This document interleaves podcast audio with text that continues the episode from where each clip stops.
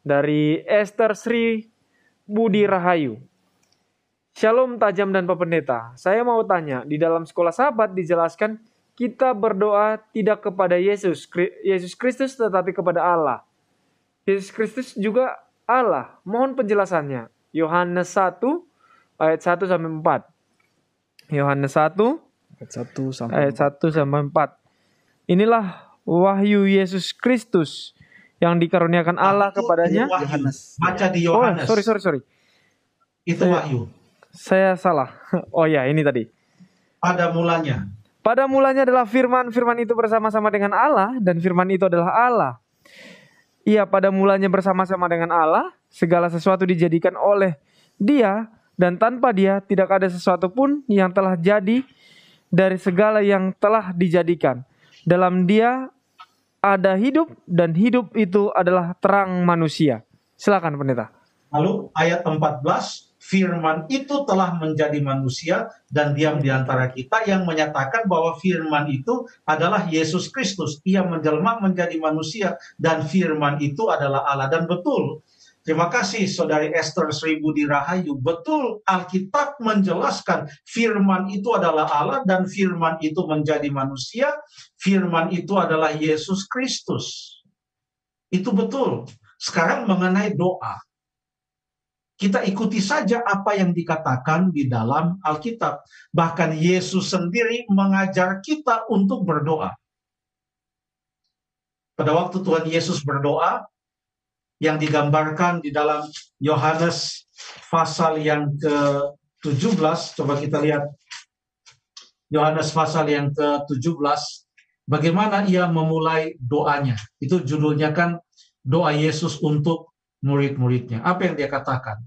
Bapa, dia berdoa kepada Bapa. Ya, telah tiba saatnya permuliakanlah anakmu supaya anakmu mempermuliakan engkau. Lalu kemudian di dalam ayat yang kelima, oleh sebab itu ya Bapa. Dia katakan lagi, dia memanggil ya Bapa. Dan beberapa kali, ayat 24, saya loncat saja ke ayat 24. Ya Bapa, aku mau supaya di mana pun aku berada, mereka juga berada bersama-sama dengan aku. Itulah Yesus berdoa. Dan dia pada waktu uh, berdoa di Taman Getsemani, coba kita lihat di dalam uh, itu ada di Matius lah, kita ambil yang di Matius, pasal yang ke-26, kita baca di dalam ayat yang ke 42. Lalu ia pergi untuk kedua kalinya dan berdoa. Ya Bapakku.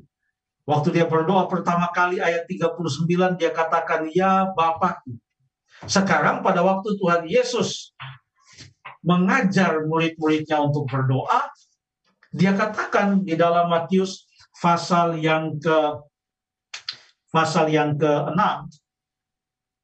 ayat yang ke-9 mulai dia katakan karena itu berdoalah demikian. Apa yang diajarkan? Bapa kami yang di sorga, dikuduskanlah namamu. Jadi berdoa kepada Bapa itu adalah ajaran dari Tuhan Yesus. Berdoa kepada Bapa di dalam namanya. Itu Tuhan Yesus katakan. Contohnya di dalam uh, Yohanes pasal yang ke-15. Yohanes pasal yang ke-15, saya akan baca di ayat yang ke-16 yang berkata, Bukan kamu yang memilih aku, tapi akulah yang memilih kamu, dan aku telah menetapkan kamu supaya kamu pergi dan menghasilkan buah, dan buahmu itu tetap, supaya apa yang kamu minta kepada Bapa dalam namaku diberikannya kepadamu. Minta kepada Bapa di dalam nama Yesus. Bukan artinya Yesus tidak mempunyai peranan di dalam doa.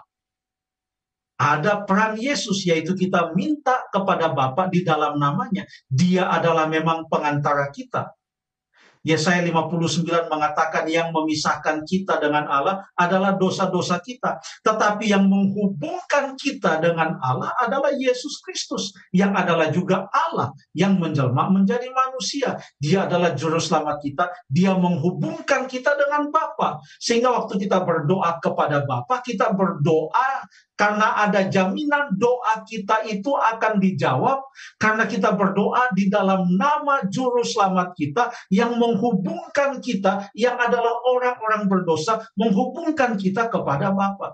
Bukan hanya Bapa dan juga Yesus Kristus yang berperan di dalam menjawab doa-doa kita. Ada juga peran Roh Kudus seperti yang dituliskan di dalam Roma pasal yang ke-8 saya baca Roma pasal yang ke-8 ayat yang ke-26 yang mengatakan Demikian juga Roh Kudus membantu kita dalam kelemahan kita, sebab kita tidak tahu bagaimana sebenarnya harus berdoa, tetapi Roh sendiri berdoa untuk kita kepada Allah dengan keluhan-keluhan yang tak terucapkan dan Allah menyelidiki hati nurani, mengetahui maksud roh itu, ayat 27.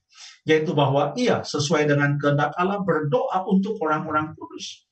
Jadi kita berdoa kepada Allah dan Bapa Kemudian anak yaitu Yesus Kristus dan Roh Kudus mempunyai peranan di dalam doa kita. Kita percaya kepada Allah, percaya kepada Bapa, percaya kepada Yesus Kristus menurut Alkitab, percaya kepada Roh Kudus dan dalam iman kita itulah kita berdoa kepada Bapa, kepada Allah kita. Di dalam nama Yesus Kristus yang adalah Allah kita di mana kita juga dibantu oleh Roh Kudus yang berbicara juga dalam hati kita adalah juga Allah kita yang adalah Esa Allah kita yang Esa yaitu Bapa, Anak dan Roh Kudus. Terima kasih.